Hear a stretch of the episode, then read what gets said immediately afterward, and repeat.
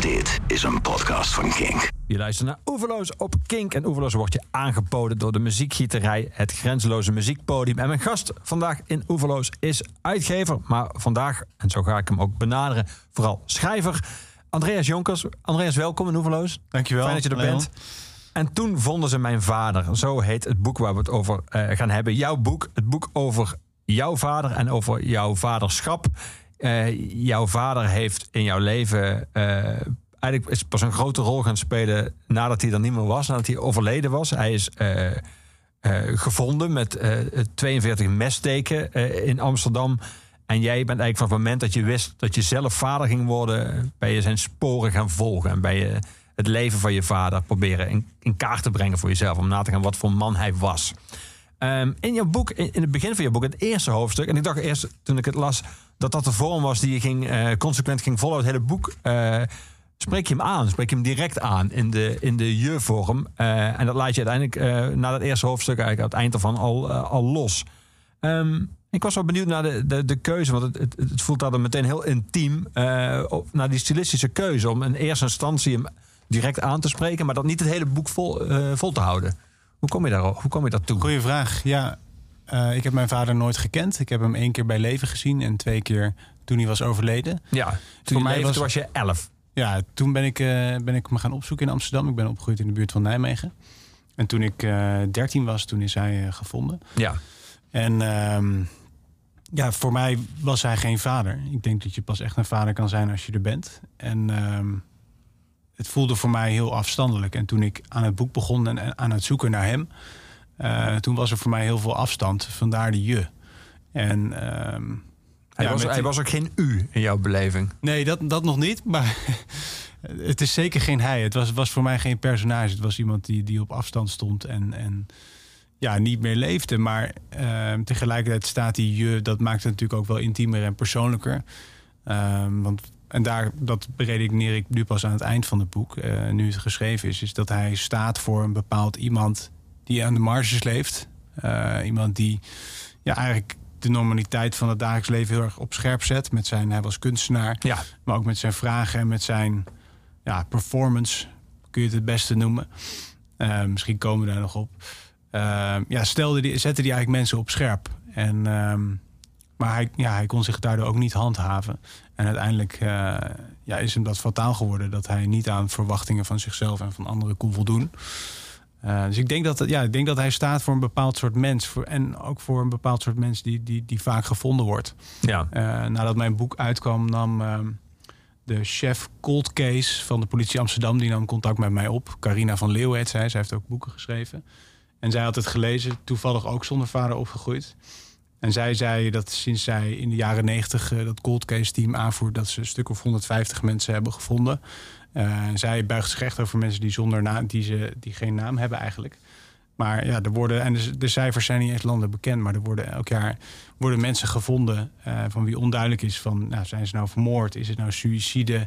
Eh, is het in een psychose gebeurd? Ja, wat is hier aan de hand? En Ja. ja, daar, daar staat mijn vader en staat, staat dit portret eigenlijk voor. En daarom plaats ik hem aan de ene kant op afstand en probeer ik hem aan de andere kant eh, dichtbij te brengen. Ja, met Ja. de tweede persoon. Om dat meteen, maar meteen even te benoemen. eh, je, je vader is onder eh, rare omstandigheden eigenlijk gevonden. Hij had 42 messteken. Dus, dus er werd ook gedacht aan dat, er- dat hij misschien was omgebracht. Dat het een misdrijf was. Maar dat was volgens de politie eigenlijk meteen de conclusie dat dat niet zo was. Tegelijkertijd waren er verwondingen van dien aard... dat het ook best wel raar zou zijn als hij het zelf zou hebben gedaan. Maar uiteindelijk blijkt, en is jouw conclusie ook... dat hij waarschijnlijk in een soort psychose terecht is gekomen. Ook omdat bleek dat hij al eerdere wonden had. Dat, dat Ja. er dus waarschijnlijk later in zijn leven zichzelf verwonde. Eh Ja, Sommige ja. wonden waren ouder dan eh, die dag waarop hij gevonden werd. Precies. Ja, toen hij ehm, in die laatste maanden leefde hij bij een hospita in een kleine kamer in Amsterdam Oost. En ehm, daarvoor werd hij zijn huis uitgezet omdat hij eh, de gas- en ehm, elektriciteitsrekening niet kon betalen. En dat was in de winter. Dus hij leefde in een hartstikke koud huis. Daar heb ik hem ook opgezocht.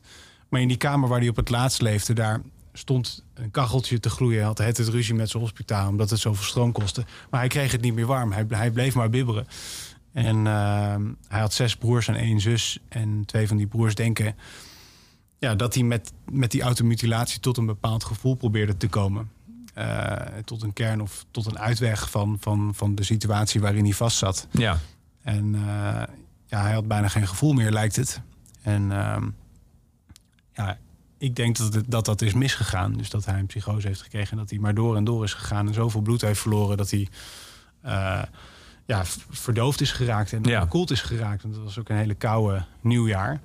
Ehm, en ehm, nou, wat het bijzondere was in, die, in, in mijn zoektocht naar verklaringen van hoe, hoe, hoe kan iemand zo gevonden worden en hoe kan je dat naar jezelf aandoen, zei een eh, vriendin van hem die ook psychiater is, die zei: ehm, Ik denk dat hij het Vincent van Gogh syndroom had.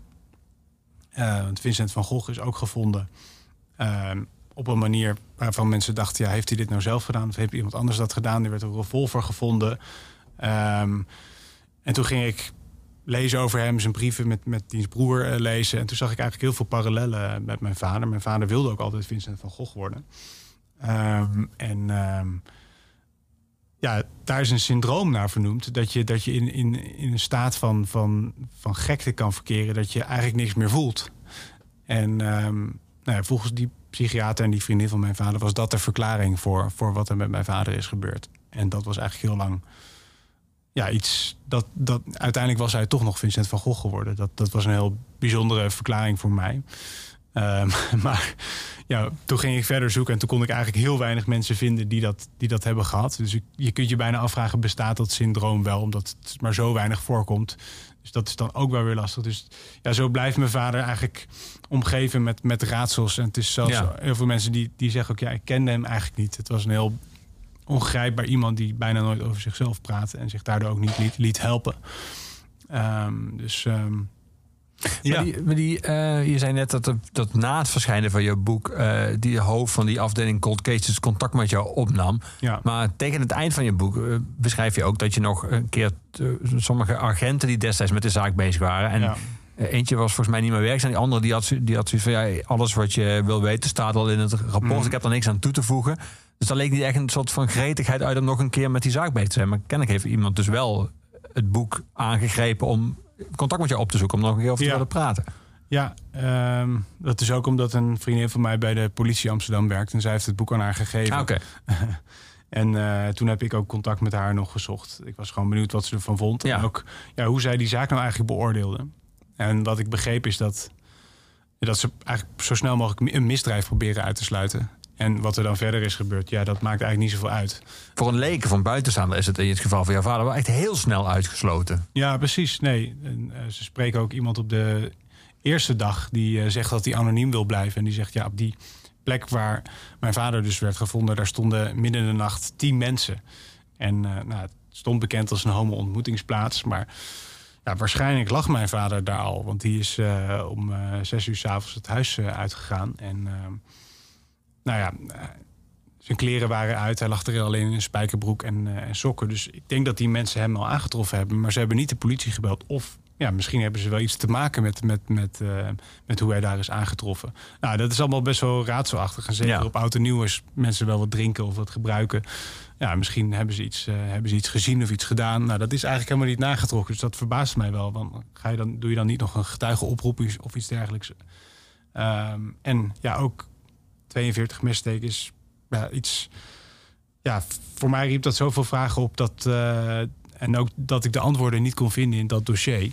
Ehm, dus ja, inderdaad, die chef cold case zei: nee, dit onderzoek is eigenlijk hoe het normaal, hoe het normaal er gaat. Dus ehm, eh, al heel snel ehm, gaan mensen op, gaan ze op zoek naar, naar een hypothese. En nou, als ze misdrijf kunnen uitsluiten, dan wordt de zaak eigenlijk gewoon heel snel gesloten. Ja, ja. Ehm, En vaak zijn die van die cold cases, zijn dus ook, eh, bij je vader was wel bekend wie hij was en zo, maar zijn het ook Ja. gewoon mensen waarvan helemaal niet voor de rest helemaal niets bekend is. Nee, precies. Eh, die worden dan gevonden. Nou, mijn vader die had een paspoort op zak. Dus ze konden hem vrij snel konden Ja. hem eh, eh, identificeren. Maar ehm, ja, bij heel veel mensen is, is dat onduidelijk. En eh, zijn familie weg of die komen uit een ander land of iets dergelijks. En dan eh, ja, kunnen die mensen gewoon niet geplaatst worden.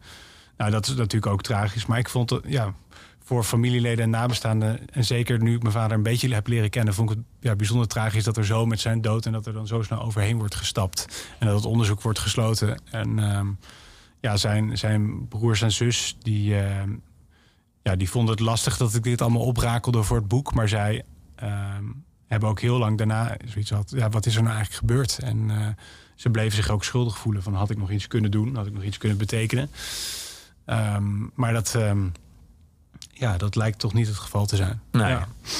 Ik zei dat we gaan eh, niet alleen praten over je boek, we gaan ook muziek draaien. We hebben nummers uit. Ik heb jou om over na te denken over nummers die op een of andere manier bij het boek passen, bij het thema passen. Je hebt zelf nummers aangedragen die allemaal op de een of andere manier met vaderschap eh, een relatie hebben. Ik heb die aangevuld met andere nummers waar ik meteen aan dacht die met vaderschap. Dus volgens mij hebben we een mooie mix van allerlei vadergerelateerde nummers. Maar laten we beginnen met een nummer dat jij, waar jij mee kwam. Eh, Them Changes, Thundercat. Ehm waarom deze? Waarom past die zo bij het boek, vind jij? Of bij het verhaal van je vader en van jou? Ja, het is allereerst eh, een ongelooflijk lekker funky nummer. Ik vind. Thundercat echt een fantastische muzikant. Ehm, hij speelt ook met eh, Flying Lotus, Kendrick Lamar. Ja. Ehm, en eh, geweldige bassist. die ook ongelooflijk gegroeid is in, eh, in zijn optredens. Je hebt hem live gezien, begrijp ik. Ja, een paar keer. ja. En begin was hij nog een beetje de bassist die in de schaduw bleef staan. En Want de bassist. ja, precies. En een paar jaar terug zag ik hem op een jazzfestival in Utrecht, in Tivoli. En toen had hij een groene muts op en een roze jurk. Of een roze muts en een groene jurk, dat weet ik niet meer precies. En toen ging hij volledig los. Dat was echt fantastisch. Een hele was hij van eh, bassist, was hij frontman geworden. Ja, was hij echt een frontman geworden. Volgens mij heeft hij een, een, basgitaar met acht of tien snaren. Nou, heel bijzonder. Met dit nummer, ja, het klinkt heel vrolijk, maar het begint... eh, Nobody move, there's blood on the floor. En ehm, ja, het gaat voor mij over ja, die radeloosheid en het totale onbegrip als, als iemand wordt gevonden. En volgens mij gaat het nummer eigenlijk over lief- liefdesverdriet. Maar voor mij ging het ook over ehm, ja, die hardheid van zo'n zo'n plaatsdelict. En ehm, ja, hoe, wat dat met je doet. En, eh, en dat alles gegoten in een ongelooflijk funky jasje. Ja, Dus eh, ja, daarom heb ik deze uitgekozen. we gaan hem draaien. Thundercat.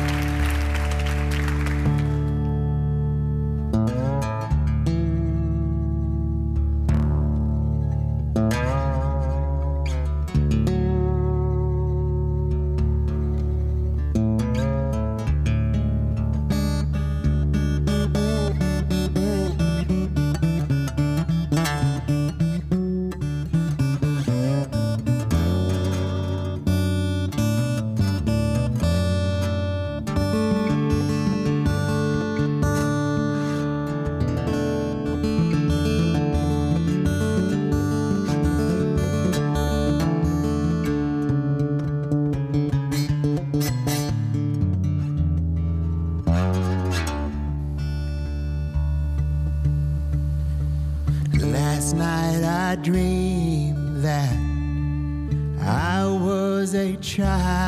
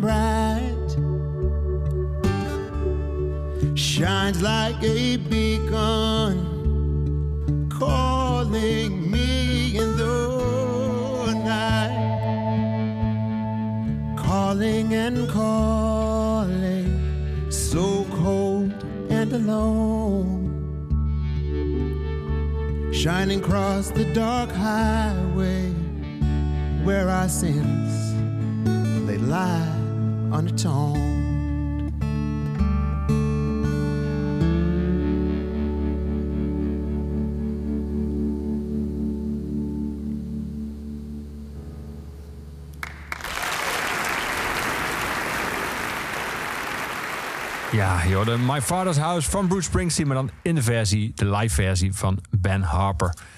Je luistert naar Oeverloos hier op Kink. En eh, Andreas Jonkers is mijn gast. We hebben het over. En toen vonden ze mijn vader, zijn boek. Um, Andreas, je zei het net al even in een bijzin. Uh, toen je eenmaal besloot dat je het leven van je vader ging onderzoeken. Um, had je dan natuurlijk ook meteen contact nodig met andere dierbaren van hem, familieleden. Je moest mensen spreken over, over hem. Um, je gaf net al even aan dat, dat, dat, dat, dat die niet meteen heel enthousiast waren over elk element ervan. Maar je had ze wel nodig. Was er voor jou een voorwaarde dat iedereen soort van wel mee moest werken aan het boek? Of, of, of was jouw stelling van ik ga het sowieso schrijven of je meewerkt of niet? Of hoe, hoe, heb, je, hoe, hoe, heb, je, hoe heb je ze benaderd? Um, nou, ze vonden het sowieso wel bijzonder om, om de zoon van hun broer of vriend of uh, studiegenoot of ex te spreken. Ja, want zoals jij jouw vader niet kende, kennen ze jou natuurlijk ook niet. Precies, ja. En ergens denk ik dat ze hoopten uh, op een Hans, zo heette mijn vader. En uh, nou, ik lijk totaal niet op hem. dus, ook fysiek niet? Nou, ik kreeg laatst foto's. sinds mijn boek uit is, benaderen allemaal mensen mij nog met nieuwe verhalen. En ook nieuwe tekeningen van hem of schilderijen en ook nieuwe foto's. Toen kreeg ik foto's van hem met een kind op de arm. Toen zag ik opeens mezelf daarin. Dat was heel wonderlijk. Maar um, dus ik denk dat ze ergens op zoek waren naar hem en misschien ook naar verzoening met, met de hele geschiedenis van hem. Um, dus eigenlijk stond iedereen wel, bijna iedereen er wel voor open om te praten. Ja, en ik wilde eigenlijk over elke periode of elke mens die hij was, uh, wilde ik ja, meerdere mensen spreken. Dus uh, hij is in een vrij rijk en notabele gezin opgegroeid in de buurt van Zutphen. Hij heeft aan de Rietveld gestudeerd, is uh, toen hij 18 was naar Amsterdam gegaan.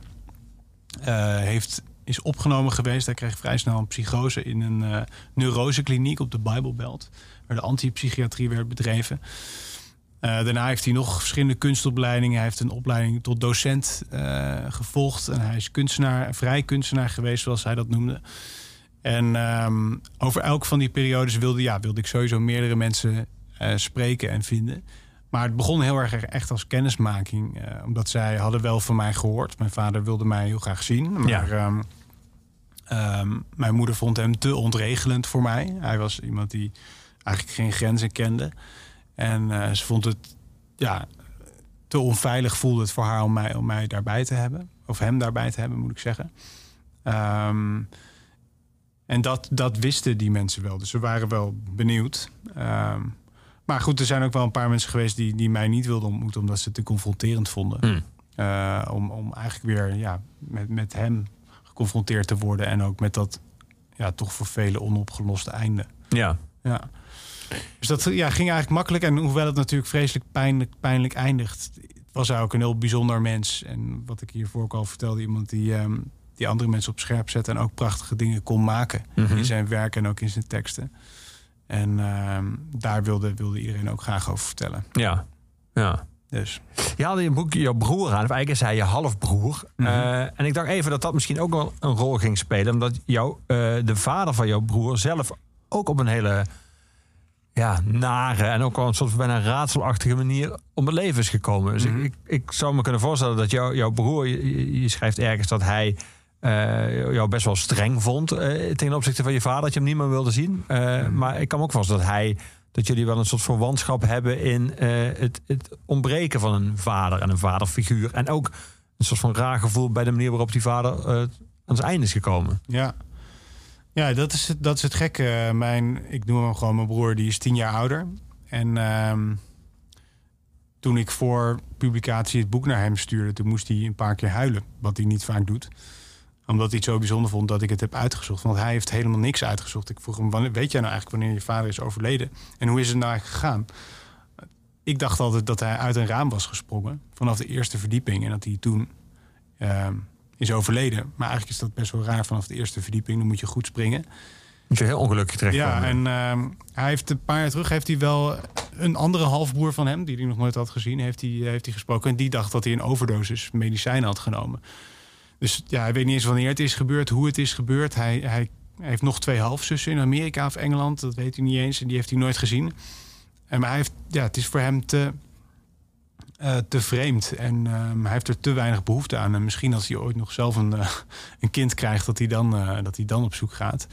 En ja, ik, hij was ouder dan ik. Dus ik heb altijd. Ja, hij, hij past op mij, hij zorgde voor Ja. mij. En natuurlijk waren het was geen vaderfiguur of zo, maar het was wel iemand die, ehm, ja, die veel heeft betekend in mijn opgroeien. En ehm, dat had hij natuurlijk niet. Nee. Eh, dat had hij misschien buitenshuis. Maar ehm, ja, daardoor denk ik dat voor mij dat, dat begrip vader al wat, wat meer leefde misschien. Ja, en voor mij zijn, zijn de bronnen ook gewoon nu nog in leven en, en Ja. dicht, dichterbij en bereikbaarder dan voor Ja. hem. Voor hem is het echt bijna onmogelijke zoektocht. Ja. Ja, maar eh, dat merkte ik sowieso. Ik heb uiteindelijk twaalf mensen gesproken over zonder vader opgroeien. Sommige mensen zijn, eh, hebben bijna een trauma eraan. Die vinden het, vinden het heel erg. En eh, die, die denken dat ze iets missen. En andere mensen zijn vrij nonchalant erover. En die hebben zoiets van, ja, mijn moeder was er gewoon. Of mijn broers en zussen. Of andere mensen om ons heen. Een leraar misschien die een vaderfiguur kon zijn. Dus die, die, ja, die missen niks. Dus de een gaat er naar op zoek. En de ander die, die laat, het, laat het rusten. ja. Ehm, Eigenlijk liet jij het ook rusten tot je wist dat je zelf vader ging worden. ja, toen... ehm, Dat is, echt, dat is wel heel duidelijk het boek. Dat is echt de aanjager geweest van deze hele Ja. zoektocht. Ja, ehm, ik had, daarvoor heb ik ook wel wat mensen gesproken en ook ehm, eh, zijn broers en zus gezien. Eh, en ook zijn ouders uiteindelijk, want die heb ik ook al die tijd niet gezien eh, toen hij er niet was. Ze wilden hem niet voor het hoofd stoten en mij ontmoeten. Dus die heb ik gezien, maar ja, het was eigenlijk voor mij heel vreemd. Ik, ik, ja, ik wist niet wat ik met hun verhalen aan moest. Ik kon het niet goed plaatsen. Ehm, en toen ik zelf en zo, toen had ik zoiets van ja, voordat hij er is, moet ik gewoon die vragen beantwoorden. Wat, wat is er nou met hem gebeurd? Wat betekent het om zonder vader op te groeien? Hoe erg is dat nou eigenlijk? En eh, hoe word je vervolgens zelf vader? Dus dat waren drie vragen die ik, die ik per se wilde beantwoorden. En daarvoor was het voor mij, ja, ik wist gewoon niet, nog steeds niet wat ik ermee moest met die, met die man. Ehm, en ehm, ja, dat was voor mij echt een sleutelmoment toen ik wist dat ik zelf vader werd. Ja. Ja. Heb je nu, als je nu terugkijkt, heb je denk, heb je, denk je, zonder dat je ze misschien destijds zo noemde of zelfs zo beschouwde, heb je, denk je wel, vaderfiguren gehad of van sommige mensen vaderfiguren gemaakt? Eh, ja, goede vraag. Ja, ik, eh, ik denk dat ik niet zo heel erg geloof in dat iedereen per se een vaderfiguur nodig heeft. Ik geloof wel heel erg in ouderfiguren. Dus dat er mensen zijn die je veiligheid geven, aandacht, liefde en die zich om je bekommeren. En misschien je af en toe op het rechte pad zetten. Maar of dat een man of een vrouw is, of een oom of een tante of een buurman of een leraar, dat, ja, dat maakt volgens mij niet zo gek veel uit. En ehm, eh, ik denk dat er heel veel mensen om mij heen waren. En mijn moeder die bracht me ook naar allerlei clubjes en eh, vrienden en dingen. En die zorgde dat ik ja, niet in zo'n dat we niet in zo'n soort symbiotische relatie terechtkwamen, om het uh, zo maar te zeggen. Um, dus ik denk als je met genoeg andere mensen in contact komt, kom je ook met genoeg andere ideeën en grenzen en ja, misschien ook verrassingen in aanraking die je die alsnog heel gezond kunnen doen opgroeien. Ja. Grappig je zegt eh, dat jij niet zo gelooft dat je per se uh, naast een moeder ook een vader nodig hebt. Maar je hebt gewoon ouders nodig. Mm -hmm. Ongeacht wat uh, hun seks is of hun seksualiteit of een onderlinge verhouding. Ja. Maar je gaat op een gegeven moment in je boek ga je ook zelf op onderzoek uit gewoon bij de wetenschap. Bij wat is nou eigenlijk onderzocht over vaders. Ja. En dat, ja, ik had zelf het gevoel, maar misschien is het, is het mijn perceptie of, jij, of hoe jij het opschrijft. Maar dat je ook een soort van. Ik voelde zelf een soort teleurstelling in. Het is A, best wel weinig onderzocht. Wat er onderzocht is, is op basis van best wel weinig zaken. En het is allemaal volgens een soort norm die ook best wel conservatief is. Ja, nee, dat zeg je goed. Uh, 95% van het onderzoek over ouders gaat eigenlijk alleen maar over de moeders. Want uh, vaders waren niet toen de toen de, toen de mensen met de vragenlijst langskwamen en later hadden ze zoiets van ja, dat, dat moet je maar aan de moeder vragen. Ja, en dat zie je nog steeds wel. Uh, dat, dat, dat vader... bij een scheiding zeg je ook dat vijf, volgens mij vijf, ook 95% van de kinderen komt uiteindelijk gaat bij de wordt aan de moeder toegewezen. Ja, 96% ja. zelfs uh, inderdaad die uh, van de kinderen gaat, ja. wordt bij de moeder ingeschreven. Zeg je dat ook geen toeval dat die percentages zo overeenkomen, denk ik? Ja, nee, dat, ja, dat is waar, ja. Maar um, dus vaders laten zich heel moeilijk onderzoeken. En als ze, als ze zich laten onderzoeken, dan worden ze heel slecht vergeleken. Dus er wordt wel eigenlijk het onderzoek naar, naar uh, vaderloos opgroeien stamt net na de Tweede Wereldoorlog. Toen vroegen psychologen, pedagogen en sociologen zich af van... oké, al die mannen zijn naar het front gegaan. Die vrouwen hebben het uh, gezin draaiende gehouden. Hoe erg is dat nou eigenlijk? En uh, wat betekent dat voor die kinderen? Maar wat ze deden is die, die gezinnen zonder vaders... die ja, toch altijd het inkomen vergaarden. En dat inkomen viel nu vaak weg. Die werden vergeleken met die gezinnen waar die vaders nog wel een inkomen vergaarden. Dus dat was al ongelijk. Uh, nou, die vaders waren weg, dus die, die gezinnen moesten vaak verhuizen. Die kwamen in andere buurten op andere scholen terecht. Dus um, uh, de vergelijkingen waren, waren niet eerlijk. En dat is eigenlijk bijna altijd zo gebleven. En het is ook heel moeilijk om, um, als je het echt, echt een ver onderzoek zou doen, dan zou je gewoon precies dezelfde gezinnen. En bij de ene zou je de vader jaren weglaten. Ja. Nou, dat kan je gewoon niet. Kan je, je schrijft al dat had waarschijnlijk de ethische commissie niet als je dat zou doen. Ja, ja, precies. Dus het is gewoon heel moeilijk te onderzoeken. Um, en wat je ziet is dat heel sterke ja, vind ik vrij conservatieve ideeën inderdaad over de man. Uh, de boventoon voeren in, in. Ja, en die ook de uitkomsten van het onderzoek bepalen. Dus uh, de man is er heel erg voor. Iemand mailde ook nog naar aanleiding van mijn boek een. Um, de moeder zet je op de wereld en de vader zet je in de wereld. Toen dacht ik, ja, dan heb je mijn boek verkeerd begrepen. Want dat is nou juist niet het punt. Volgens mij kan een moeder je net zo goed in de wereld zetten. Of dat doe je zelf, of daar, daar heb je de hulp van anderen nodig. Ja. Ja, voor mij is dat een heel ouderwets beeld van, van, uh, van de vader. Uh, en um, ja, ook een beeld dat juist door recentere studies niet echt bevestigd wordt. Want sinds kort wordt er wel fatsoenlijk onderzoek naar gedaan. Uh, ook in Nederland is het eerste echte grote onderzoek. En daarin blijkt ook dat de factor cultuur heel erg bepalend is. Dus op Curaçao um, komt er twee keer zoveel voor als hier. Dus hier groeit één op de tien kinderen zonder vader, op daar één op de vijf. Ja. En daar zie je dat het veel normaler wordt geacht. Dus dat ook de vooroordelen erover. Dus dat kinderen snelle ADHD krijgen, sneller uitvallen op school, sneller in aanraking komen met politie. Ja, dat zijn je, de vooroordelen en ja, de mythes. Want jij, jij bespreekt even een onderzoeker die zo even al die dingen op je afratelt. Zo ja. Van, uh, ja, precies. Nee, de, en toen dacht ik wel van shit, uh, ja, ik ben, ik ben verdoemd. Uh, kinderen die zonder vader opgroeien blijken zelfs nog volgens die onderzoek een grotere kans op suïcide te hebben. Nou, dan ga je, maar ja, toen dan ga je kijken naar de factor cultuur en dan zie je dat op Curaçao um, wordt het veel normaler geacht als die vaders er niet zijn. En er worden die kinderen vaak ja, door veel grotere gezinnen eigenlijk grootgebracht. En daar leven dat soort ideeën ook veel minder sterk dat het schadelijk zou zijn. En die ideeën bepalen natuurlijk ook hoe kinderen naar zichzelf kijken, hoe leraren naar die kinderen kijken, hoe ouders van vriendjes naar die kinderen kijken. Dus dat bepaalt dus uiteindelijk ook heel erg hoe je naar jezelf kijkt. Ik dacht dat ik iets. Ik vroeg me af, heb ik iets gemist doordat er geen vader was? Nou, uiteindelijk denk ik, denk ik van niet. Omdat door, door die reis, door de wetenschap, kom ik erachter dat mijn moeder het intuïtief heel goed heeft gedaan. Ja. Um, maar um, ja, die mythes die kunnen wat mij betreft wel de, wel, wel de prullenbak in. Ja. Ja. Je schrijft tijdens je boek docenten, een mentor, andere ouders, klasgenoten, vriendjes en hun ouders. Ze stelden allemaal dezelfde vraag. Had ik geen vader nodig? Ja, Dus die, dat idee dat de buitenwereld je dat vooral aanpraat op basis van normen die misschien van vroeger zijn, dat heb jij Ja. zelf ervaren. Jij, ja en ik jij- was jij- ook wel iemand die... die jij was er niet mee bezig, maar anderen waren er wel mee bezig. Ja, ja, dat kwam ook omdat ik best wel... ben nu wel iemand die vrij rustig is, wordt vaak gezegd.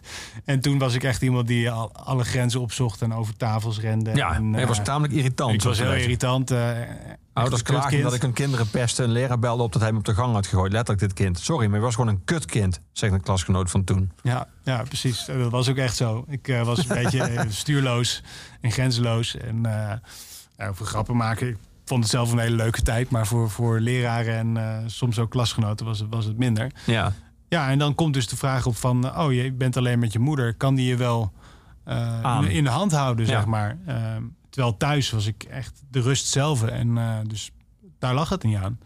Maar, eh, maar ik denk dat er gewoon aan lag dat ik die aandacht leuk vond of zo. I don't know. Maar in ieder geval riep het bij heel veel mensen de vraag op van... ja, heeft die jongen geen vader nodig? ja. En het bizarre was is... dat ook, waren er ook, jouw klasgenoten, hadden die allemaal een zeg maar, traditioneel gezin nog toen? Ja, ja, inderdaad. De, nou, er waren dat scheiden, dat grote scheiden, dat begon toen wel een beetje. De trend. Ja, precies. Ja, dat was echt. eh, dat kwam echt op, zeg maar.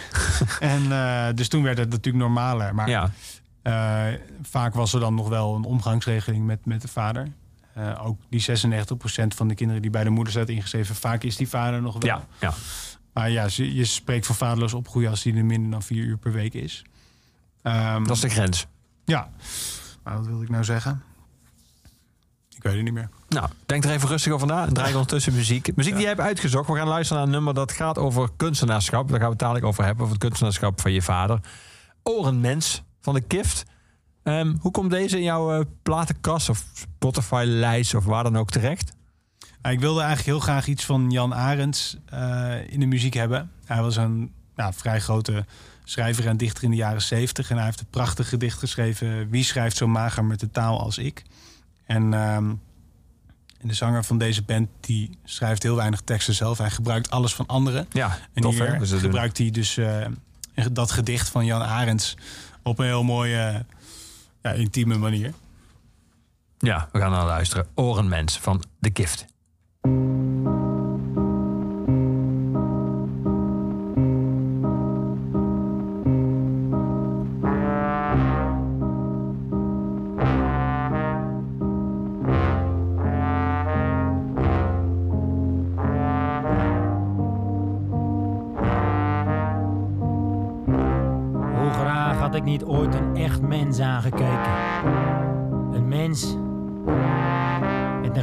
In het gezicht. En dat is al laten zien. Aan mij. Aan mij. Waarop ik heb gewacht.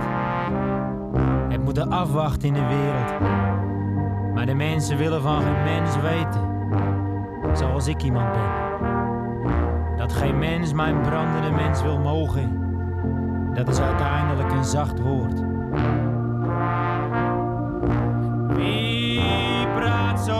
Mager met de taal als ik? Wie praat zo mager met de taal als ik? Hoe graag had ik niet ooit? Hoe graag had ik niet ooit? Had maar ooit een enkel mens, mijn lichaamshandmens. Want een hand voor mij is witter. Een hand voor mij is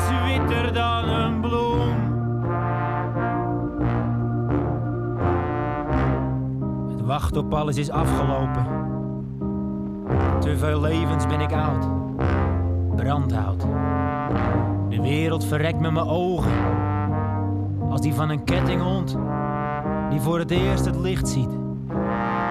Een orenmens ben ik. Het oor kan alles beter uit elkaar onderscheiden. Ik hoor mijn lucht. Ik hoor mijn grond.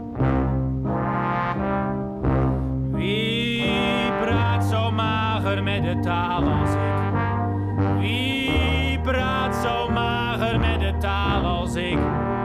Hoe graag had ik niet ooit, hoe graag had ik niet ooit, had maar ooit een enkel mens, mijn lichaamshandmens.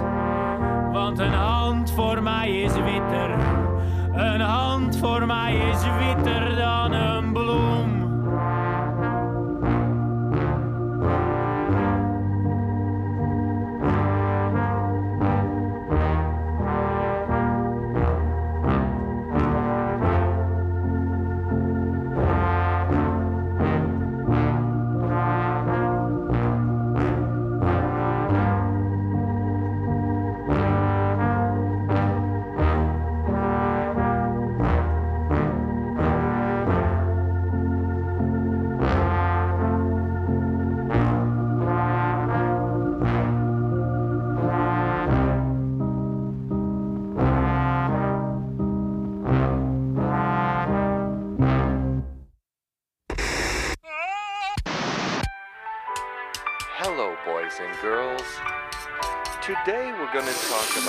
father and daughter relationships.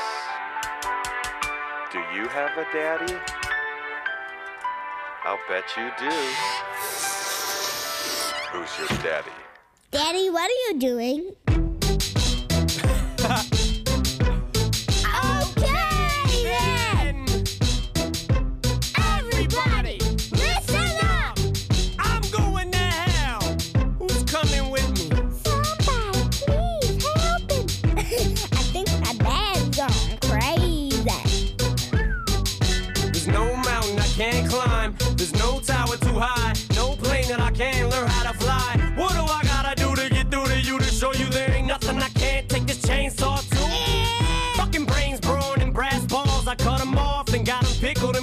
in a glass.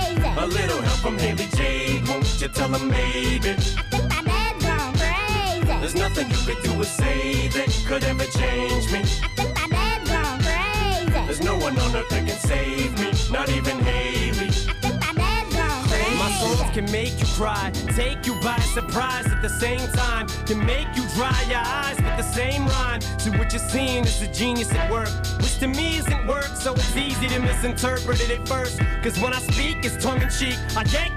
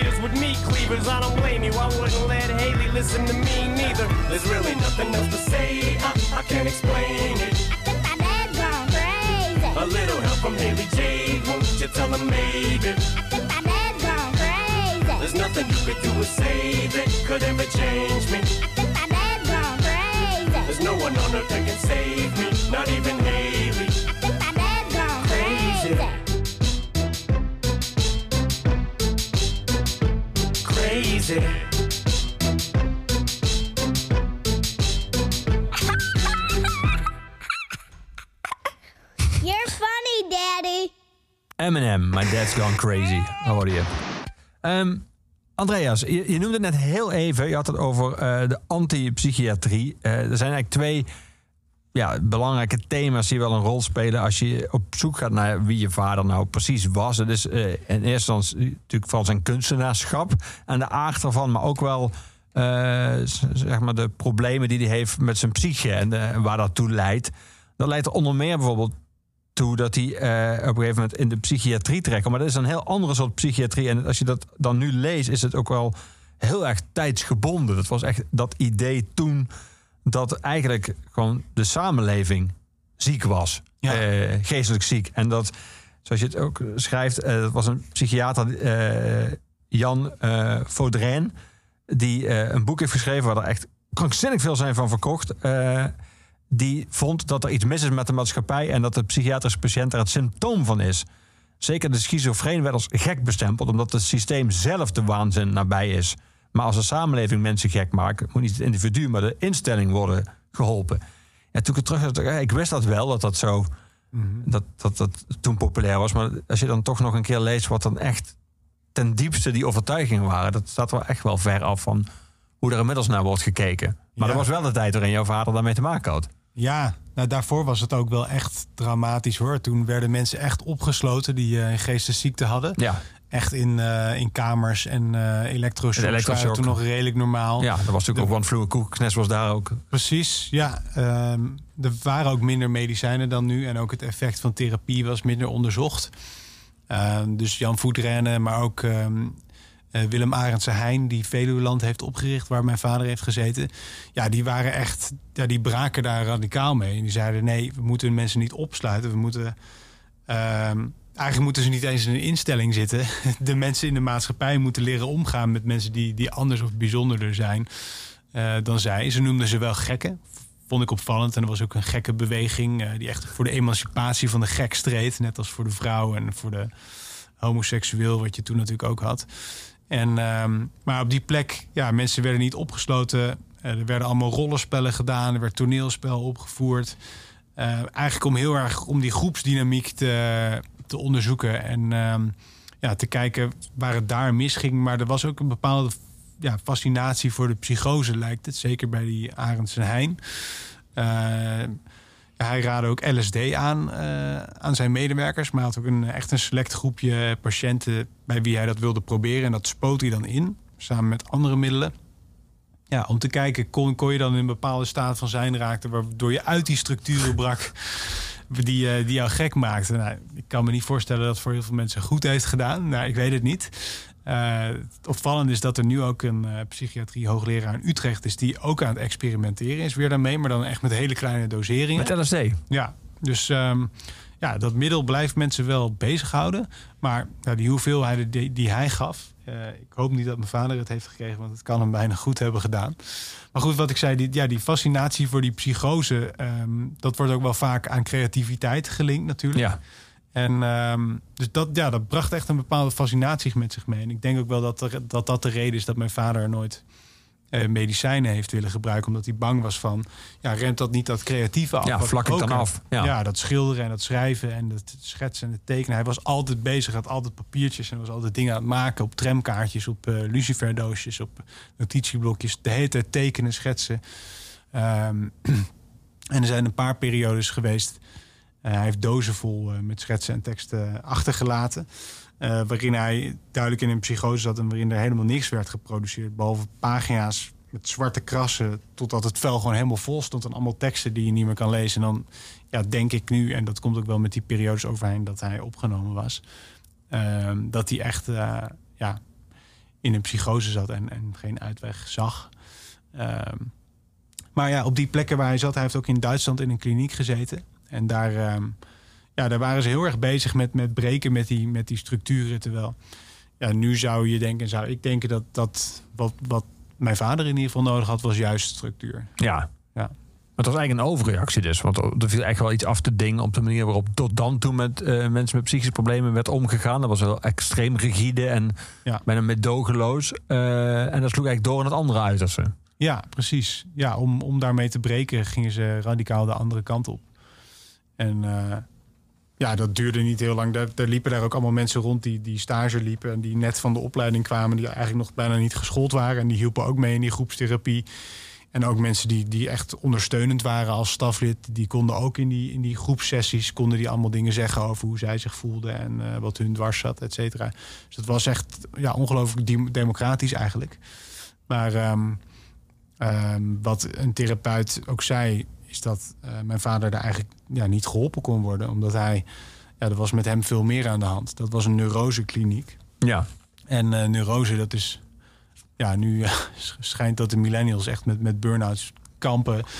Zeker in coronatijden. Dus ja, daarvoor zou een, neurosekliniek echt fantastisch zijn. Maar ja, hij kon daar niet geholpen worden. En een broer van hem denkt ook dat, dat hij doorhaalt dat die mensen hem niet echt konden helpen. En dat hij daar een soort spel mee, mee speelde. Eh, hij, hij deed mee, maar hij deed eigenlijk niet mee. Hij leer- leer- ja, liet zich niet kennen, zou je kunnen zeggen. Nee. Dus ehm, dat blijft heel, heel vaak en bij heel veel mensen de grote vraag van... Ja, had hij nou echt een stoornis? Of speelde hij een spel, zeg maar? Dat hij, dat hij deed alsof er iets was. Of dat hij een grap uithaalde die eigenlijk niet kon. Of dat hij opeens op tafel ging staan en een uur ging speechen en dan wegrende.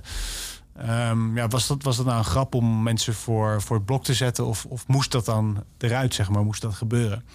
Dat, ehm, ja, daar kwamen ze daar in ieder geval niet achter. Nee. Ik kan me ook wel voorstellen dat hij, eh, omdat hij nog wel, ook wel van aandacht hield, of zelf in de belangstelling stond, dat eh, een kliniek die, die ook wel, waar, hij dan waarschijnlijk, het lezen was hij ook heel intelligent, eh, waar, je, waar hij wel aanvoelde dat die mensen ook eigenlijk een soort fascinatie hebben voor mensen. En ook eigenlijk vinden, soms, misschien zelfs vinden dat die mensen op een soort hoger plan staan. Dat je, dat je daar gewoon naar ging. Dan ga je ook acts opvoeren. Ja. Want je hebt eigenlijk publiek. Hij zei later tegen een vriendin dat hij eh, sociologisch onderzoek deed. Ja, ja. Zij die zei niet dat hij opgenomen was geweest. Eh, hij schaamde zich denk ik ook wel een beetje ervoor. Maar ja, ja, je zou er serieus een film over kunnen maken... over het, ja, het onderscheid behandelaar en patiënt. Ze noemden het niet eens patiënten, ze noemden het gasten. Dus mensen waren daar echt te gast. Eh, Grappig dat ze zoveel eufemisme, maar dan wel het woord gek gebruiken. Dat, Ja, dat het een heel stigmatiserende zijn. Maar dat is omdat wij nu heel gevoelig voor taal zijn geworden. Ja. Maar dat was ja, een soort geuzennaam, denk ik. Ja, ja, ja. Juist. Maar eh, het was echt een hele luxe kliniek. Eh, Simon Vestdijk is er bijvoorbeeld lang opgenomen geweest. Echt mensen die het konden betalen. En op een gegeven moment kwam het gewoon in het ziekenfonds. Toen konden iets eenvoudigere mensen als mijn vader... die konden er ook zitten. Maar ehm, ja, dat was een hele, hele bijzondere plek. Ja, waar, echt, eh, ja, waar, waar je nog veel meer over zou kunnen schrijven. Ja. Maar dat, het leidde te veel af uiteindelijk van... dus ik heb heel veel weg moeten gooien. Maar ik, ja, fascinerende tijd. Ja. Hem, toen je 11 was, heb je hem een brief gestuurd. Dat was de enige brief die hem ooit hebt gestuurd. Eh, beste Hans, bij mij alles goed. Ik heb veel kerstconcerten gehad de laatste tijd. Ook heb ik een leuke kerstvakantie gehad. Ik ben drie keer naar de bioscoop geweest. Eén keer naar het Omniversum in Den Haag, de grootste bioscoop van Nederland. Ook ben ik naar de Lord of the Rings, de Two Towers gega- gegaan. Kunnen we trouwens samen een datum prikken dat ik bij jou op bezoek kom? Bel me dan nog maar even over. Andreas. Eh, nou, je bent wel veel beter gaan schrijven, kunnen we vaststellen. Eh, maar ik kan me voorstellen dat jij... eh, dit is natuurlijk onderzoek naar je vader, maar ook naar jezelf. Eh, vond je het ook confronterend om te zien, ook in zo'n brief bijvoorbeeld... want jouw vader belde jou heel veel, ik beschrijf het. Dit is vrij staccato van nou, hier even wat mededelingen. Je vraagt ook niet hoe het met hem gaat. Even, nee, goed, maar je bent elf. Eh, maar vond je het ook confronterend om te zien hoe je zelf met hem was omgegaan? Ja, toen ik eh, elf, ben, elf was, eh, ben ik hem gaan opzoeken met mijn moeder in Amsterdam. In een huis op de derde verdieping waar alle muren waren volgetekend, waar overal kunst lag, eh, waar gas en licht waren afgesloten. En op een gegeven moment zat ik op de wc en toen durfde ik niet meer naar buiten. Ik vond hem echt overrompelend. En op een gegeven moment liepen we weer terug naar Amsterdam. Maar ook het, het, het, het, het bedoel je, of hem ook alles eigenlijk? Ja, nou, überhaupt de omgeving, maar hoe hij deed ook. Hij, hij vroeg niks. Hij, hij zei niet hoe het met hem ging. Hij vertelde allemaal verhalen. En hij voerde allemaal acts op. Hij ging op straat dansen. Hij pakte een ijzeren schaal uit de kast, ging erop slaan. Hij liet allemaal kunst zien. En eh, ja, ik vond het overrompelend hem, maar inderdaad ook die plek natuurlijk. En toen we naar het station liepen, zei ik tegen mijn moeder... ik snap niet dat je met zo iemand een kind hebt kunnen verwekken. Ja, En ehm, ja, daar zit wel een bepaalde hardheid in. ja. Eh, ongevoeligheid. ook naar mijn moeder. En ehm, ja, zeker eh, nu pas eigenlijk achteraf denk ik van... waarom heb ik niet af en toe de telefoon opgenomen als die belde? Waarom legde ik hem naast de hoorn als hij eindeloos verhaal hield? Waarom vroeg ik niks? En ik weet het antwoord wel, omdat, omdat hij nooit antwoord gaf op vragen... en omdat hij nooit open was. Tegelijkertijd hoor ik ook wel van eh, vrienden en familie die ik, die ik sprak in het onderzoek voor het boek... dat wanneer het over mij ging, dat dat het enige moment was dat, hij, eh, dat je werkelijk contact met hem kreeg. Dus ik denk nu dat dat moment dat we daar op bezoek waren... dat hij doodnerveus was en dat hij niet wist hoe hij zich moest gedragen. Eh, dus ik, ja, ik zeg niet dat ik mezelf kwalijk neem, maar ik was zo benieuwd hoe het was gegaan... als ik, als ik nog een keer een brief had geschreven, als ik vaker contact had gezocht... als ik Ja. misschien nog een paar keer gezien had. Want eh, anderhalf jaar na dat bezoek werd hij gevonden, ehm, overleden. En ehm, ja, maar ik, ja, die passiviteit en die ongevoeligheid, het is te verklaren. Ik bedoel, hij, hij, was, hij was geen vader voor mij, maar zeker achteraf ja, was ik zo benieuwd wat er was gebeurd als ik, als ik me wat- meer had opengesteld. ja. Ja, Ik kan me ook wel voorstellen dat, zoals je eigenlijk in het boek schrijft ook, en zelf net al vertelde, dat je jouw eh, nieuwsgierigheid naar hem is aangejaagd door jouw eigen aan, toen aanstaande vaderschap. Eh, zo is natuurlijk ook eh, de manier waarop je verhoudt op mensen die ja, wat ingewikkelder zijn, zoals jouw vader was, en wat bewerkelijker, wat dikkere handleiding hebben. Meestal als je wat ouder wordt, dan krijg je daar ook wel wat meer mededogen mee. Ik kan Ja. me voorstellen, als je elf bent, dat dat zoveel is. Dat je denkt, pff, laat maar. Dat is echt een soort Ja. van... eh, terwijl als waarschijnlijk heb je dat ook wel afgevraagd? Als je, zeg maar, als, die, als je ouder was geworden, was je dan denk je vanzelf... ha- Had dat contact vanzelf, was dat vanzelf wel weer gegroeid? Omdat je zelf misschien ook wat, weet ik veel, wat milder was geweest tegen, tegen iemand als je vader die zoveel ruimte inneemt? ja denk ik zeker. Ja, dat is een heel goed punt. Ehm, ik denk dat ik daar ook heel erg als kind was van hem. En heel erg hoopte dat hij zich om mij zou bekommeren. En eh, ja, nu zou ik me net zo goed om hem kunnen bekommeren. En zou Ja. ik daar sneller doorheen kijken. Eh, inderdaad, omdat je wat ouder bent. En omdat je... Ik bedoel eigenlijk meer, meer mededogen. Maar zoals jij zegt, ook misschien minder illusies. Dat, dat, daar had je er waarschijnlijk niet meer op gerekend dat hij als een vader... had je ook niet meer nodig dan. Ja, inderdaad. Dan was ik, was ik wat minder, had ik wat minder hoge verwachtingen. En, en, en had hij kunnen zijn wie die, wie die wilde zijn. In plaats van dat hij moest voldoen aan een bepaald beeld dat ik van hem had. En ehm, ja, maar ik, ik, ik, ik heb me dat vaker afgevraagd. Waarom, waarom zou het nu makkelijker zijn geweest? Ik denk omdat ik wat ouder ben geworden. Omdat ik meer mensen heb leren kennen. Maar ja, ik was ook jong en ik zat in een bepaalde omgeving. En als je ouder bent, dan kom je op veel meer plekken. Je komt Ja. met veel meer mensen in aanraking. Dus je groeit in dat opzicht heel erg in, in het omgaan met mensen die niet eh, hetzelfde zijn als jij. En, ehm, maar goed, ik denk dat ik het spannend had gevonden, nog steeds. En er zijn ook heel veel mensen die hem op een gegeven moment niet meer thuis wilden ontvangen. Omdat hij, ja, ze wisten gewoon niet wat er, wat er ging gebeuren, wat hij ging doen. En eh, ik was laatst bij iemand, eh, een nicht van hem, en die zei, ja, dan kwam hij binnen en dan zei hij een uur niks. Ging hij zitten en daarna ging hij weer weg. Dat ik dacht dat hij altijd eh, alles op stel te zetten. Maar dat is misschien nog wel raarder. Dat iemand binnenkomt en gewoon helemaal niks zegt. Je niet aankijkt. Uit het raam gaat zitten kijken en, en daarna weer weggaat. Ja, ze staat op een gegeven moment zoiets van ik doe de deur niet meer open. Nee. Dat is misschien wel Ehm. nog ongemakkelijker dan iemand die heel veel Ja, zegt. waar je, ook, Ja. Waar, je, waar je ook niet weet wat je daarmee moet. Maar ehm, ja, het is meer dat ik echt had gehoopt dat ik het nu anders zou doen. En eh, nou, ik hoop natuurlijk ook dat ik door die ervaring... dat ik me meer openstel voor, voor andere mensen en mensen zoals hij. Ehm, dat ik niet meteen... Ja, dat je inderdaad denkt van misschien heeft hij ook wel een, een zoon of een dochter... die misschien ook nog wel een boek over diegene aan het schrijven is. Maar in ieder geval... ehm, ja, ja. blijft, blijft een open vraag. Ja.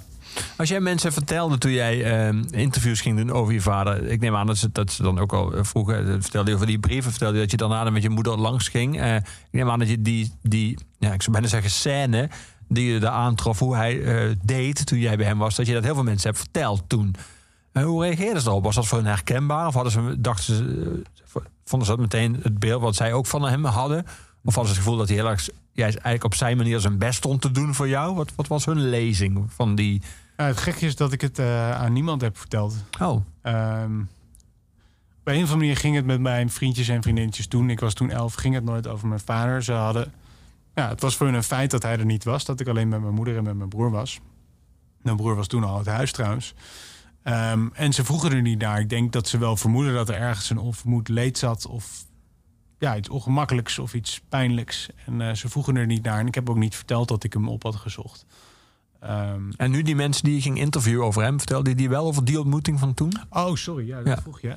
Ehm, ja, uite- uiteindelijk heb als het daarover over kwam, maar ik wilde natuurlijk niet hun, hun ervaringen en hun verhalen niet te veel kleuren. Maar ehm, zeker dat, dat dat is wel aan bod gekomen. En, maar daardoor ben ik er ook anders naar gaan kijken. Want toen vond ik het overrompelend en spannend. En iemand zei laatst, maar, ik, die moest heel hard lachen juist om die scène. Terwijl ik vond het heel pijnlijk. En zo heb ik het ook opgeschreven vanuit dat gevoel. ja. En zij zei, ik moest heel hard lachen. Want eh, hij, moet, hij moet doodnerveus zijn geweest toen jij kwam. Zo had ik het nog helemaal niet bekeken. Dus dat vond ik heel gek. Dat had ik een heel boek over mijn vader. Probeer ik hem in, in te leven. En heb ik, zag ik dat niet eens, weet je wel. Dat hij ook doodnerveus was. Dus dat, ehm, ja, dat was wel bijzonder. Ja. Dus uiteindelijk zei ik het wel. En, en daardoor ja, kwam er toch nog een andere blik op. Ja. We gaan mu- muziek draaien, Andreas. We gaan naar eh, Transformer luisteren van Gnars Barkley. Ehm, waarom deze? Ja, het is een heel simpele tekst, Transformer. Eh, mijn vader heeft ooit een biografie van zichzelf geschreven, De mens die ik niet was. En daarin zie je eigenlijk dat hij honderd verschillende personen was. Je zou heel veel verschillende boeken over hem kunnen schrijven. En ik probeer hem ook niet vast te pinnen op één mens. En daar gaat dit nummer voor mij over, Transformer. Gaan we draaien.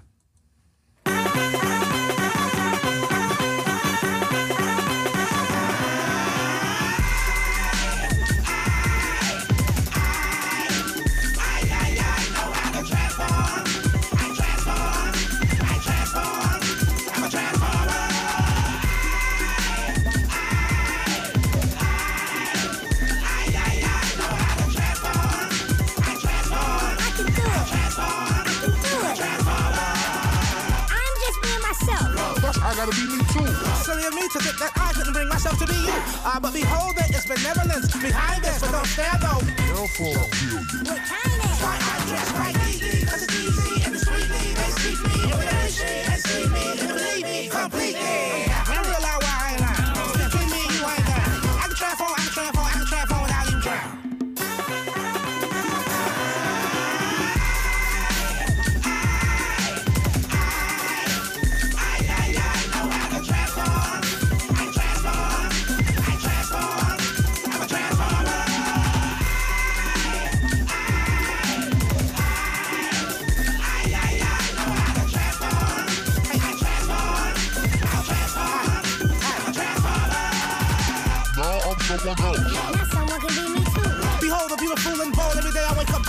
Ah, but it's simple, but they still can't understand why. I'm a microchip off the old block. You know not, but I was a robot, not so rock. And you would get for show shot with a gold glock. Boy, I roll pop. It's something that you won't see again. What the hell might as well be a friend. I can transform, I transform, independent who I have to be again.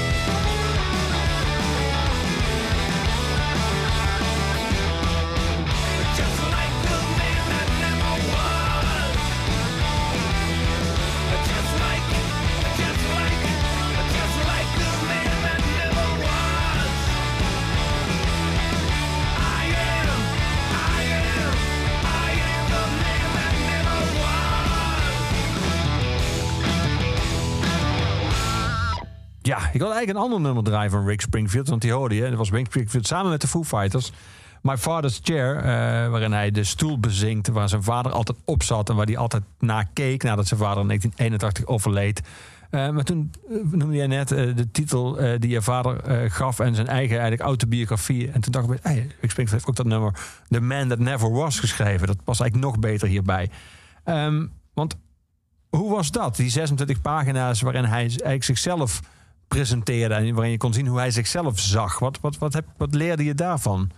Ja, ik vond in die zeven dozen met ehm, archiefmateriaal eigenlijk van hem 26 bloknotes, handgeschreven, met een hele biografie van hem.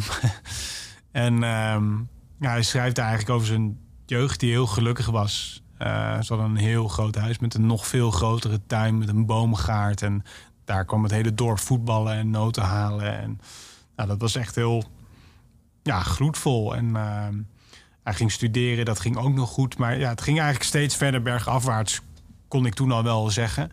En ehm, zeker eind jaren tachtig, dus nou, kort voordat ik kwam, Ja. was hij diep in een psychose. En nou, dat, toen was ik denk ik bij bloknoot 20 of zo. En toen zag ik dat hij de hele hetzelfde verhaal opnieuw aan het vertellen was. Dus dan om de 20 pagina's begon hij weer opnieuw. Hij zag ook dat zijn handschrift veranderde. Ja, hij je. ging onleesbaar schrijven en soms sprong hij opeens over naar het Engels en dan weer naar het Nederlands. Dus het werden hele rare gedichten. Het werd eigenlijk een soort ja, kunst zelf. Ja. Eh, hij werd zelf een personage en ehm, ja, het, ik weet niet, dat een beetje de, Lynchiaans of zo, dat hij het, kwam een soort rare droomwereld kwam op en ik, moet zeggen dat ik op op een gegeven moment werd ik ook zelf een beetje gestoord van al, van al dat schrijven. Omdat ik, ja, kon het gewoon niet meer begrijpen. En dat, dat was wat hij altijd deed. Als mensen vroegen hoe het ging of wie hij was of wat er aan de hand was. Dan trok, ja, trok hij zichzelf juist terug uit het gesprek. En begon hij ergens anders over of ging hij weg. Of, ja, stopte hij met praten eigenlijk. En eh, ja, ik zag heel erg gebeuren in die, in die biografie dat, dat, dat hij er niet was. En dat hij zichzelf eigenlijk niet liet kennen. En dat hij ook eh, blijkbaar daar zelf niet toe kon komen. Dat hij maar steeds opnieuw bleef beginnen en niet verder kwam. Dus eh, ja, ik schrijf dat hij in het boek dat hij stokt. Dus Ja. dat, eh, dat zijn leven eigenlijk vastliep. En dat hij er ook geen grip meer op kreeg. Dus hij wilde heel graag een kind, maar dat kon hij niet. Hij ja, wilde kunstenaar zijn en daarvan leven, dat ging niet. Hij, hij eh, ja, wilde geld verdienen, maar dat ging niet. Dus ja, zijn leven was niet wat hij, wat hij ervan had gedroomd. En ehm, aan de andere kant ja, was het ook nooit zijn, zijn schuld. Het was altijd de galeries die zagen hem niet staan. De andere kunstenaars waren veel te commercieel. Eh, ja, hij, was een, was, hij wilde altijd Vincent van Gogh worden. En na zijn dood zou de erkenning nog wel komen. Ehm, dus eh, ja, hij, had het, hij had het ook nooit gedaan, zeg maar. Maar hij kon het ook niet. Dus ja, dat zag ik daar in die, in die biografie heel erg gebeuren. Maar ook in de andere gedichten en teksten. Ik heb geprobeerd om... Ik wilde hem eigenlijk een stem geven in het boek. Want ja, ik was gewoon heel benieuwd wat hij ervan zou vinden. En hoe, hoe hij ernaar zou kijken. Dus ik dacht, ik, ik moet zijn tekst een plek geven. Maar ja, ik heb dagen met dat archief doorgebracht. En ik eh, raakte eigenlijk... eh, hij raakte steeds verder buiten zicht eigenlijk. Door, eh, door hoe hij over zichzelf schrijft. Heel spottend, maar ook heel sarcastisch. En ook heel pathetisch soms. Of heel erg ja, onbegrijpelijk. Zoals eh, aan het einde van die, Ja, ja. van die 26 bloknotes. Maar ik begrijp ook later dat dat in opdracht van zijn therapeut is gemaakt. Dus dat was een soort zelfonderzoek. Die ene, die anti-psychiatrie. Ja, iemand inderdaad die hem die kliniek nog geholpen heeft. En later in Amsterdam een praktijk is begonnen. En daar is hij ook nog een paar keer geweest. Uh, maar ja, ik kan niet voorstellen dat dit hem uh, veel meer grip heeft gegeven. Nee. Ja. Maar had je het gevoel, als je dan beschrijft... Je zegt, hij beschrijft wel dat hij een gelukkige jeugd had en zo... dat hij daar wel nog... eh, Klopt dat wel, denk je? Of, eh, of heeft hij eigenlijk van alles daarna een verhaal gemaakt? Heb je de indruk? Goeie vraag. Nou, ik denk dat hij iemand was die heel gevoelig was. Heel kwetsbaar ook. Hij was echt binnen het gezin de creatieve, zeg maar. Drie van zijn broers zijn arts geworden. Allemaal succesvol kinderen, grote huizen. En hij niet. Um, en ja, toen hij jong was, ja, kon hij eigenlijk nog alles worden. Maar ja, wat ik zeg, hij was gevoelig en hij heeft veel gebloot. Uh, ether gesnoven, LSD gebruikt. En je kan het verband nooit hard maken. Maar ik denk dat er een snaar is geraakt waardoor hij ja, zijn eerste psychose kreeg. En, um, uh, en daar eigenlijk nooit meer helemaal bovenop is gekomen. Dus dat die, um, ja, dat die drugs iets hebben losgemaakt bij hem. Wat, um, uh, wat hem zijn hele leven bij fases lastig gevallen heeft. Want soms was hij ook wel heel stabiel en gelukkig. Uh, zeker toen hij na mijn geboorte nog een relatie kreeg met iemand die hem echt heel veel duidelijkheid en liefde en veiligheid bood. Maar um, ja, hij was iemand die, die ja, heel moeilijk te handhaven was en heel kwetsbaar was. En uh, um, ja, dat verhaal baseer ik deels op, op die documenten die hij heeft nagelaten, maar ook op alle verhalen die, die alle familieleden, vrienden en hij had een gigantische kring om zichzelf heen. Nog steeds benaderen mensen mij die ik niet kende, waar hij om de zoveel tijd opeens zomaar langskwam en ook zomaar weer wegging. Hij stond op en hij, stond letterlijk op en hij ging weer. dus um, ja, daar, daar, daar baseer ik nu dit idee op. En ik denk dat ik hem ja, in alle mensen die hij was, dat ik hem toch ja, heb leren kennen. En uh, hoeveel nieuwe dingen ik nu ook hoor, kan het wel, wel plaatsen. Ik heb wel ja. een duidelijk beeld van hem. Ja, ja. We gaan muziek draaien. We gaan Just Like a Baby draaien van Sly and the Family Stone. Um, waarom deze? Ah, dat het een heel lief en teder nummer is. Het komt van een prachtige plaat, There's a Riot Going On. En toen mijn zoontje geboren was, was dit het eerste nummer wat ik draaide, echt op vinyl. En uh, het was het eerste nummer voor mijn eigen kind.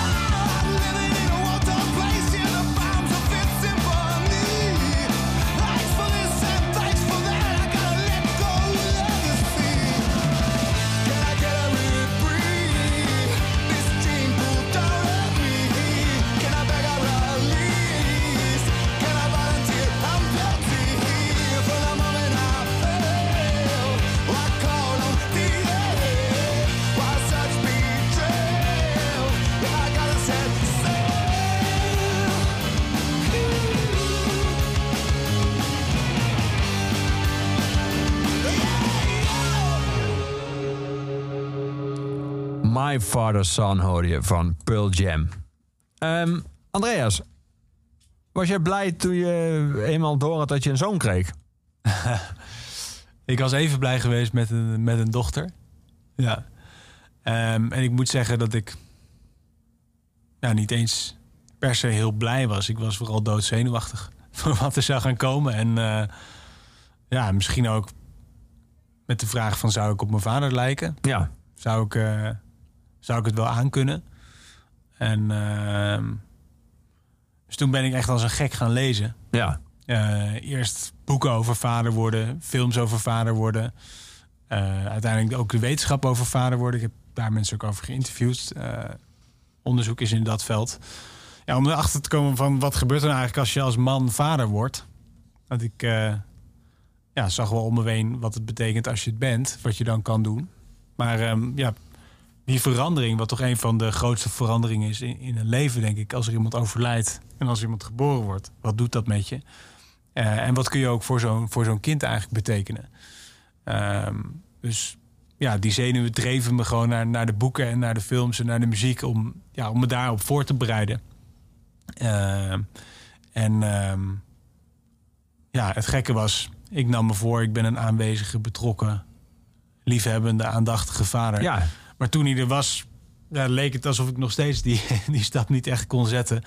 Ehm, dat ik nog best wel ervoor vluchtte en ehm, naar de kroeg ging en op werk bleef hangen en eh, met vrienden afsprak. En eh, pas toen mijn vriendin en mijn zoontje echt ziek werden en ik ja, niet weg kon en voor hen moest zorgen, toen merkte ik, ja, ik kan, ik kan niet weg. Ik, moet er zijn.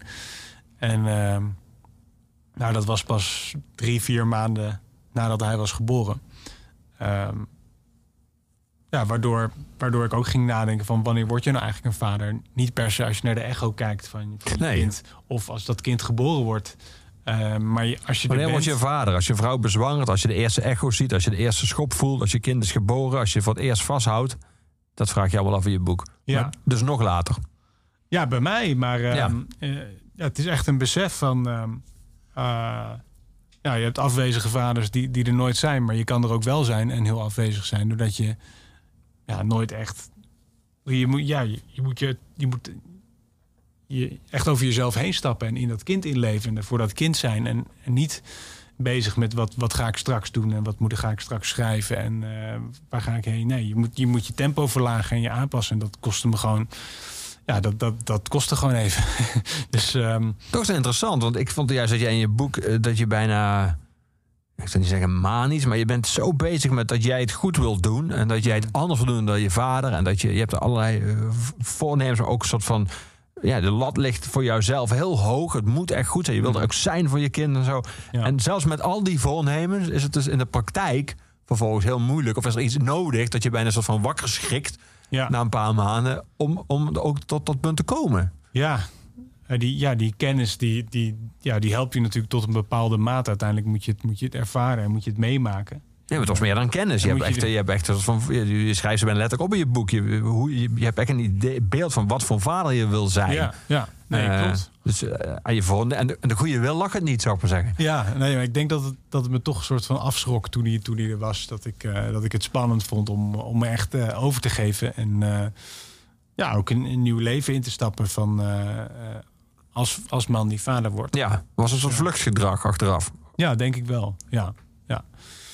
Dus, ehm, maar goed, nu gaat het, gaat het fantastisch goed. En, Ja, eh, nu zijn de kroegen dicht. Ja, er zijn de kroegen dicht. Ik werk weer thuis, dus nu ontkom ik er al helemaal niet meer aan. Ja, maar goed. ja, ehm, want het- het is natuurlijk een, je hebt natuurlijk je vader onderzocht, maar daarmee heb je ook jezelf onderzocht. Maar je hebt ook eigenlijk de rol van je moeder onderzocht. Eh, Mhm. Of in ieder geval, dat kreeg je erbij. Dat Ja. je opeens realiseerde hoe eh, moeilijk het is. Hoeveel je moeder heeft gedaan. Dat ze het Mhm. allemaal in haar eentje heeft gedaan. Dat, ja. dat, wa- dat was niet een, een onderzoeksvraag die, eh, waar je nee, mee daar begon. kwam ik eigenlijk achter van ja. ja, hoe bizar zwaar, en dat klinkt heel negatief, maar overheerst dan totaal je leven. Het is om, om een kind in je eentje op te voeden. Je, je, je komt nergens meer aan toe. Eh, je bent er de hele tijd bij.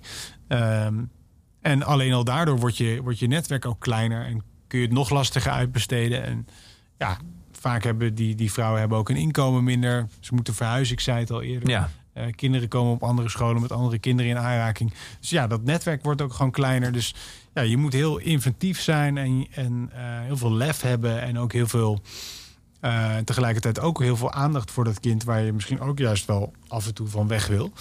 Ehm, dus nee, ik merkte inderdaad wat, wat een opgave dat is om, om een kind in je eentje op te voeden. En ja, dat klinkt alsof het vreselijk dramatisch is misschien. Dat, het is natuurlijk ook hartstikke leuk en, en mooi en bijzonder. Maar ehm, als je het met z'n tweeën doet, dan kan je af en toe ook zeggen van... oké, ik, ik ga nu even weg. Eh, gaan jullie even wat met z'n tweeën doen? En dat kan dan veel Ja. lastiger. Dus ehm, ja, daar kwam ik inderdaad achter. En ik ja, kwam er ook achter dat de manier waarop zij het gedaan heeft... dus door mijn vader niet per se zwart te maken... of niet, ja, niet in negatieve of positieve zin over hem te spreken... maar wel weinig. Ehm, en daardoor hem niet als een soort kwade genius af te schilderen... maar ja, als iemand die er niet was. En dat was oké. Ehm, dat ze daarmee ook het goede heeft gedaan... waardoor ik niet ehm, extreem tegen hem of tegen mijn moeder af ben gaan zetten. Maar uiteindelijk wel nieuwsgierig ben geworden. En op een leeftijd waarop heel veel kinderen, jongens en meisjes... uiteindelijk nieuwsgierig worden naar hun vader. Meestal 11, 12 jaar Ja. leeftijd hoorde ik van al die mensen die zonder vader zijn opgegroeid... die ik heb gesproken voor mijn boek. Ehm, uiteindelijk toch op, naar hem op zoek ging. Op een moment dat het voor mij goed was. Ja. Dus, Je eh, zei al net, je hebt, nadat het boek verschenen was, je werd niet alleen gebeld door eh, de rechercheur van de cold cases zaken, maar ook heel veel mensen ze gingen inderdaad nog dingen opsturen. Ehm, had je het gevoel dat je die dingen allemaal nog had willen toevoegen aan het boek? Of eh, had je het gevoel dat het boek gewoon, dat het, dat het, dit is het. Dit is wel de zoektocht en de antwoorden tot het punt waarop je de antwoorden kon krijgen, heb je. Ja, ehm, ik denk dat ik niet heel veel nieuwe dingen heb gehoord die erin hadden gemoeten. Ehm, ik denk dat ik het meeste over mijn vader, wat ik wilde weten voordat mijn zoon er zou zijn, dat ik dat heb gevonden. Ehm, en wat het voor mij vooral heeft betekend, is dat ja, als je zonder vader opgroeit en het gaat over hem, dan weet je eigenlijk. Ik wist niet wat ik met die verhalen aan moest. Ik kon het, kon het helemaal niet plaatsen. Het ging langs me heen. En door te proberen erachter te komen wie hij was en zo dicht mogelijk hem te naderen en ook uit te zoeken waarom hij zo gevonden kon worden, ehm, heb ik een verhaal over hem geschreven, waardoor ik alle nieuwe verhalen ook heel erg tot dat verhaal kan verhouden en kan plaatsen. Dus waar ja, voorheen een gevoel van ja, distantie en onwerkelijkheid en ja, wat moet ik hier nou eigenlijk mee? Ben ik nu eigenlijk heel geïnteresseerd in hem? Ben ik heel benieuwd wat er was gebeurd als hij nu zou zijn en bij mij en mijn zoontje op, zoek, op bezoek zou komen? Ja, ik sta er veel meer open voor en dat confronteert me er ook tegelijkertijd ja, echt voor het eerst echt mee dat hij er niet meer is. En eh, nou, dat wist ik natuurlijk wel, maar ehm, dat het misschien ook pijn doet, waar het hiervoor vooral een gevoel van onmacht was, ja, dat is wel iets nieuws. Ja, maar ehm, eh, ja, dit is wel echt het boek. En ehm, inderdaad, alle nieuwe informatie die erbij komt. En alle nieuwe mensen die ik leer kennen om me heen. Dat is ongelooflijk bijzonder. Ehm, maar ik hoor niet zo radicaal nieuwe dingen dat ik denk, er moet nog een vervolg komen. nee. Andreas, we gaan eh, zo naar het laatste nummer. Althans, het allerlaatste nummer is altijd van voor onze postume huisdichter Luc de Vos. Het laatste nummer is van Gorky. Maar voor Gorky gaan we naar Gorik van Zwangere Guy. Gorik part 1. Ehm, waarom deze? Ja, Zwangere Guy is een eh, Vlaamse rapper. En wat ik ongelooflijk knap van hem vind, is dat hij ongelooflijk veel eerlijkheid in dat nummer legt. Het gaat over ehm, eigenlijk de man die zijn moeder mishandelde en verkrachtte. Waar zelfs zijn eigen zusje bij stond. En hij is heel boos op die man en hij legt, hij legt het allemaal in de tekst op zo'n ontroerende en tegelijkertijd eh, ja, hartbrekende manier. Dat ik het echt een ongelooflijk knap vind. Eh, ik wou dat ik zo kon schrijven zoals hij eh, schrijft. Dus, ehm, en dit is nog maar part one. Er schijnen ook nog andere parts te komen vanuit het perspectief van zijn moeder. En vanuit het perspectief van misschien wel die man of zijn zusje. Dat weet ik niet. Die, die moet ik nog horen. Maar ehm, part one eh, belooft in ieder geval heel veel. En ja, ik vind het heel knap dat er zo'n taalvirtuoos in de lage landen rondloopt. Ja, boos zeg je. Dat, dat, er zit geen boosheid in jouw beschouwing van je vader, van jouw boek. Eh, Klopt. is die langzamerhand weggeëpt of is hij er nooit echt geweest? Hij is er nooit geweest. Het was onmacht, onbegrip. En ehm, nu is er denk ik inderdaad mededogen, waar jij het eerder over had, met hem. En ook nieuwsgierigheid voor het eerst naar wie hij echt was. Natuurlijk was hij er ook tijdens het onderzoek en tijdens het schrijven. Maar ehm, ehm, hem als meer als gelijke zien en eh, misschien wel als vader, dat, dat gevoel is, is echt nieuw. Ja. Dus, eh, ja. Ja. Dankjewel dat je was eh, vandaag, Andreas, in Oeverloos. En toen vonden ze Mijn Vader is uitgegeven door de bezige bij. Er ligt nu in iedere zichzelf respecterende boekhandel. Dadelijk op het einde van deze Oeverloos... die je werd aangeboden door de muziekgieterij... hoor je dus zoals altijd Gorky. Maar eerst gaan we luisteren naar Gorik Part 1 van Swangreki.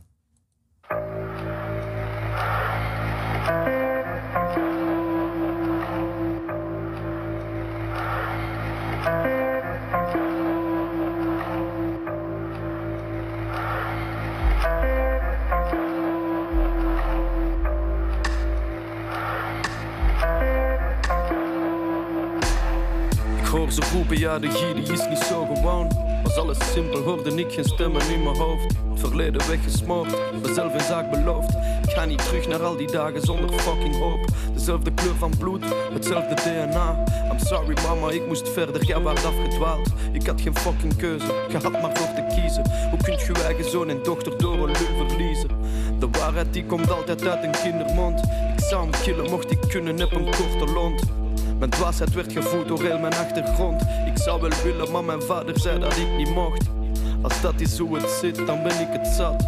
Moest slapen op de grond omdat ik geen kamer had. Mijn toekomst werd beslist door een vuile rat. Ik zeg het nog, ik zou hem killen, ook al zat ik vast. Sinds mijn dertien zit ik standaard vol met haat. En sinds mijn zestien heb ik amper nog gepraat. Sinds een jaar of zes is alles echt gedaan. Nu spit ik trak na trak, hoe dat die motherfucker haat. Mijn moeder werd geslagen door een vuile hond. Verkracht, misbruikt, waar mijn kleine zus bij stond.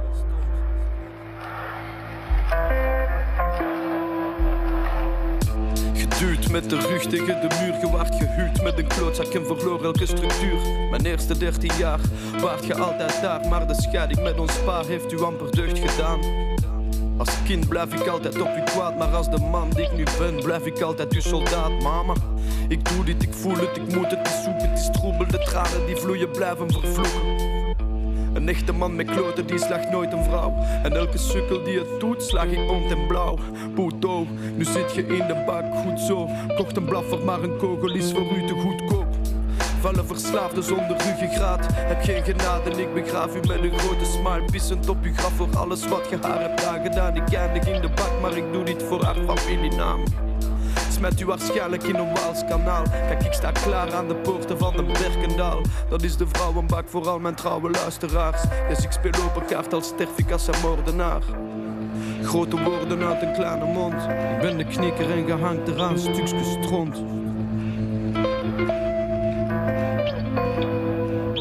Ik ging van psycho naar naar extreem delicaat. Kijk, ik nam elke dag dood, verkocht het door op de straat. Was te dom en naïef, dus daarom deze brief naar mijn moeder dat ik nu al fucking vier jaar niet zie. Hey yo, mama, I'm good, mijn platen worden gedraaid. Heb geen schulden bij niemand en zelf een beetje gespaard. Kijk, ik wou dat je het wist, ik heb u jaren gemist. Waarschijnlijk had ik nooit gerapt zonder die lul in zijn kist. Vergeet nooit wie je zijt, wat er u overkwam. Ik dacht, die shit ligt aan mij. Gelukkig spreekt je mijn zus. Ik heb de dagen geteld tot het gedaan is met hem. Ik overleef op aarde totdat hij brandt in de hel.